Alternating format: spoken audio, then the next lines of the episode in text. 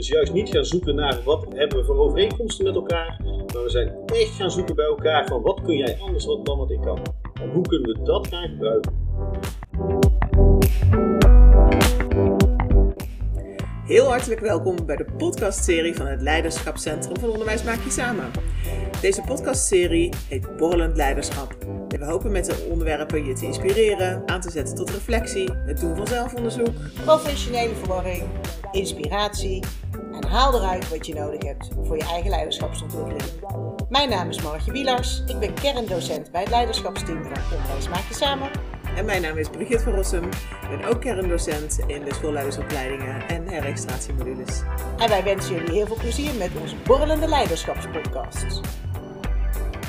Hey Brigitte, daar zijn we weer. Yes. Het wordt een soort running gag. Daar zijn we weer. Zoiets, ja. En Alleen de eerdere keren begon ik. Ja, ja, een beetje afwisselen. Beetje, hey, beetje waar gaan we het vandaag eens over hebben? Ja. Nou, volgens mij weet je al lang waar we het vandaag over gaan hebben. Want ja. Ja, want we hebben uh, Roel te gast.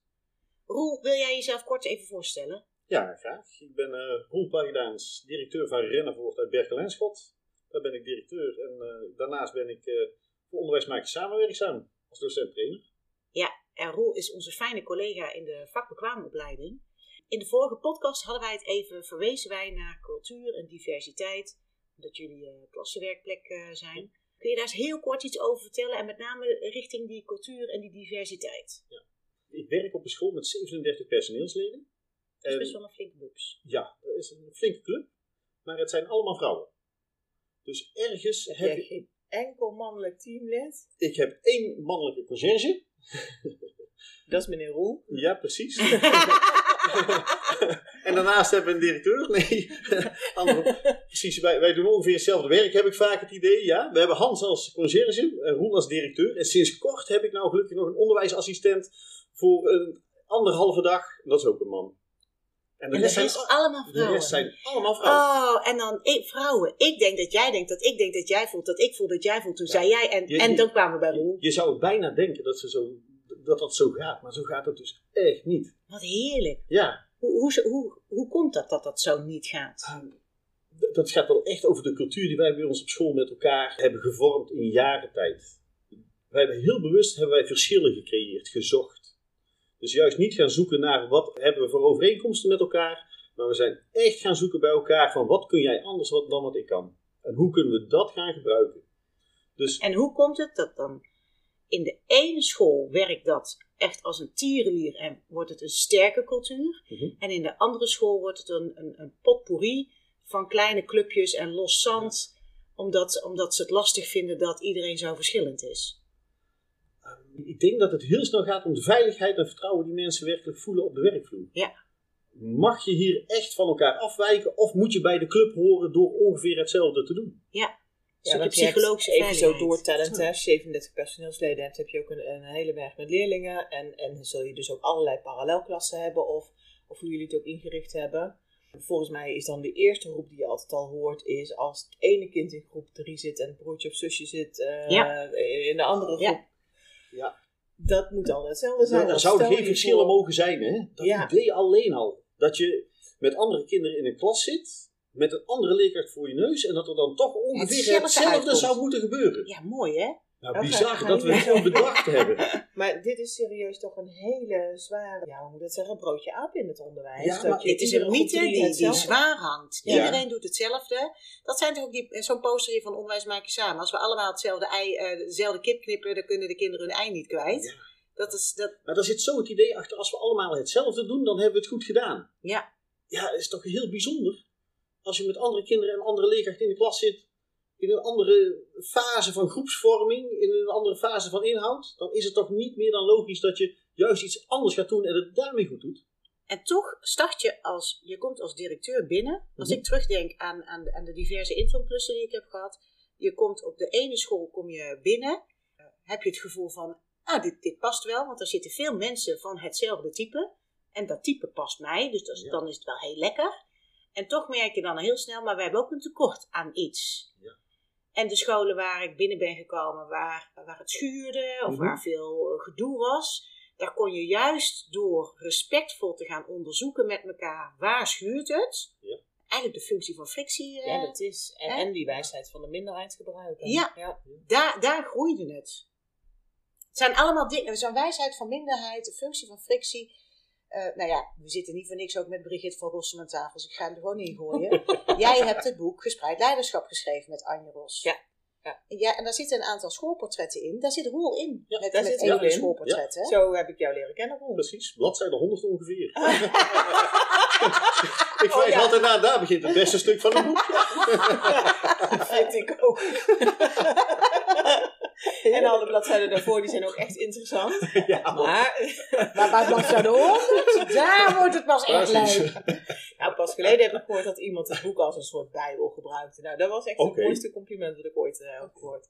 Ja, het boek heeft natuurlijk echt een mix tussen uh, dat, dat het theorie en inhoud is. En, en echt allemaal ook wel herkenbare dingen. Want het is echt niet zo dat zodra je dus uh, zo'n proces van gespreid leiderschap op gang hebt in je school, dat je dan heel veel hele nieuwe dingen hebt gedaan. Want het is allemaal best wel bekend. Noem ze eens. Alleen Wat is dan bekend? Brengen. Wat is dan, ik vraag me af of voor iedereen bekend is, want waar we het net over hebben, de verschillen accepteren, de diversiteit, de talenten inzetten, om kunnen gaan met de wijsheid van de minderheid, de functie van frictie. Nou, niet, en, niet te veel met systemen bezig zijn, maar zorgen dat, dat structuren bijvoorbeeld ondersteunend zijn aan datgene wat je wil bereiken. Hè, Wouter hard werken vanuit de bedoeling. Ik denk dat we alle ingrediënten de afgelopen jaren echt wel in de, de populaire managementboeken langs hebben zien komen. Het is alleen hoe ga je dat samenbrengen? Hoe ga je ervoor zorgen dat, dat langzaamaan ook zo'n cultuur mag gaan ontstaan? Hoe blijf je er keen op?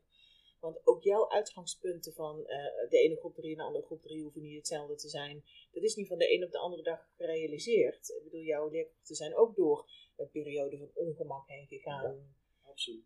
Voordat ze zoiets ja. durfden. Ik denk dat het vooral gaat over het continu herhalen van diezelfde boodschap. Iedere keer andere bewoordingen, andere beelden erbij. Maar het gaat wel steeds om diezelfde boodschap. En daarmee bied je eigenlijk een veilige basis als, uh, als, als leider. Daarmee zorg je voor, hè, die veilige basis waar ik het over heb, voldoende uitdaging bieden aan de ene kant, maar aan de andere kant ook uh, voldoende ondersteuning bieden. En mijn armen gaan nu uit elkaar met, met care and dare, dus een koolriezer. Ook dat is weer iets wat, de laatste jaren uh, behoorlijk in, in de picture is geweest. Een stukje psychologische veiligheid. Ja, en toch is het allemaal niet zo heel veel anders dan wat je eigenlijk normaal gesproken in je eigen klas met de kinderen doet als leerkracht zijnde. Ik zie ook alleen maar die parallellen. Precies, maar heel vaak gaan we dan juist op het moment dat we het over een team hebben, gaan we andere dingen doen. Terwijl we heel de dag ja, die vijf en een half uur met die kinderen iets anders vertellen. Ik zie er eigenlijk nog veel meer parallellen in zitten. Je ziet hem in de klas, je ziet hem in de school, je ziet hem binnen een bestuur, binnen een samenwerkingsverband. De hele kunst van diversiteit waarderen, accepteren en toepassen blijft wel een enorme uitdaging. Want de neiging is, we kruipen lekker bij elkaar. Wij die hetzelfde denken, voelen en, en, en tegen onderwijs aankijken, wij kruipen lekker bij elkaar, want dat is, dat is comfortabel. Kan jij mij eens een voorbeeld geven waarvan je zegt uit de praktijk, van daar, daar was het, als het kan, als het veilig is, hè, mhm. daar was het niet comfortabel en heeft het wel iets heel moois opgeleverd op school? Een van de mooiste voorbeelden, denk ik, was bij ons op school dat iedereen maakte enorm grote welkomstposters aan het begin van het schooljaar op de deur. Ah, ja. En dat kunstwerk werd op de ene deur nog groter dan op het andere deur. Daar werden hele origami kunstwerken weggehangen om maar aan te tonen hoe welkom de kinderen wel niet waren.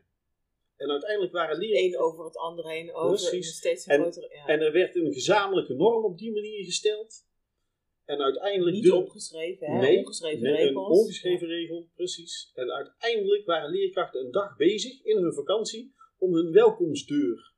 En als je dan teruggaat naar wat is nou de bedoeling? Precies. Hoeveel tijd heb je nou gestoken in echt goed onderwijs Precies. of aan een pedagogisch veilig klimaat? Ja, dus weet je, dan heb je een hele oncomfortabele situatie voor iedereen. Maar als je dan juist eh, laat zien dat er ook mensen bij zijn die bij de deur staan en die zeggen welkom. En die hebben hetzelfde effect ja. Maar een dag minder gewerkt aan de origami vouwwerk. Ja, ja, en dan komt, kun je dan van elkaar accepteren.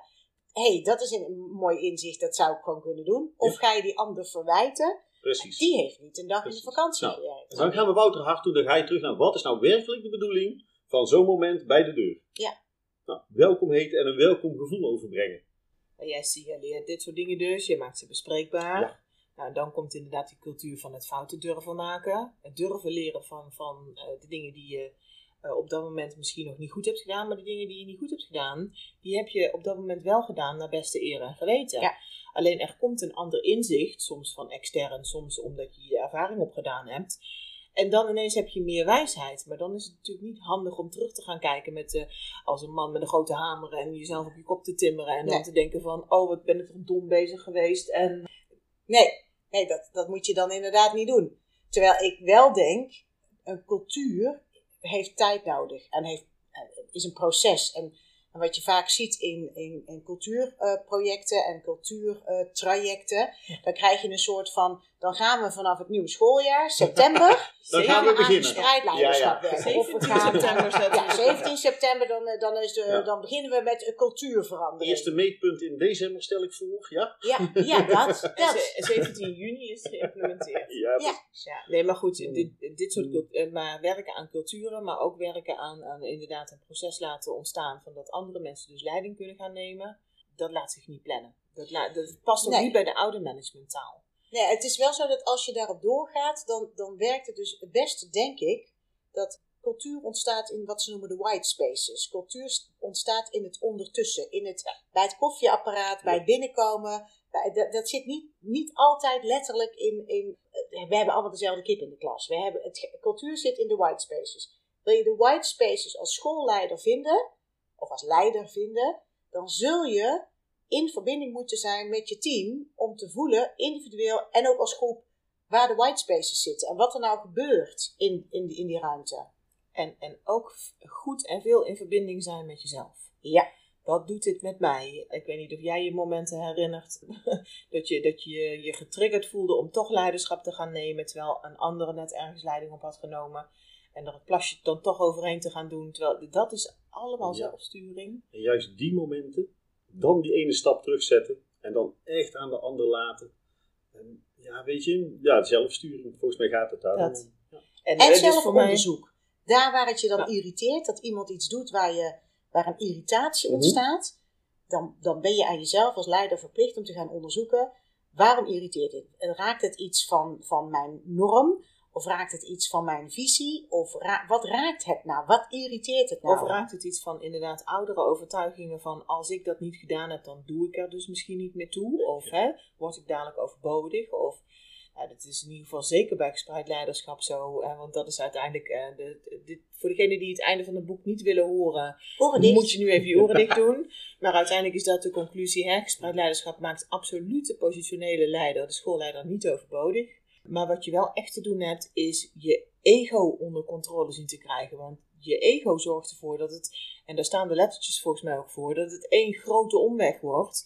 In ieder geval niet richting gespreid leiderschap. Ja, Mooi. Dank jullie wel weer. Dankjewel. ja dat was een mooie deze.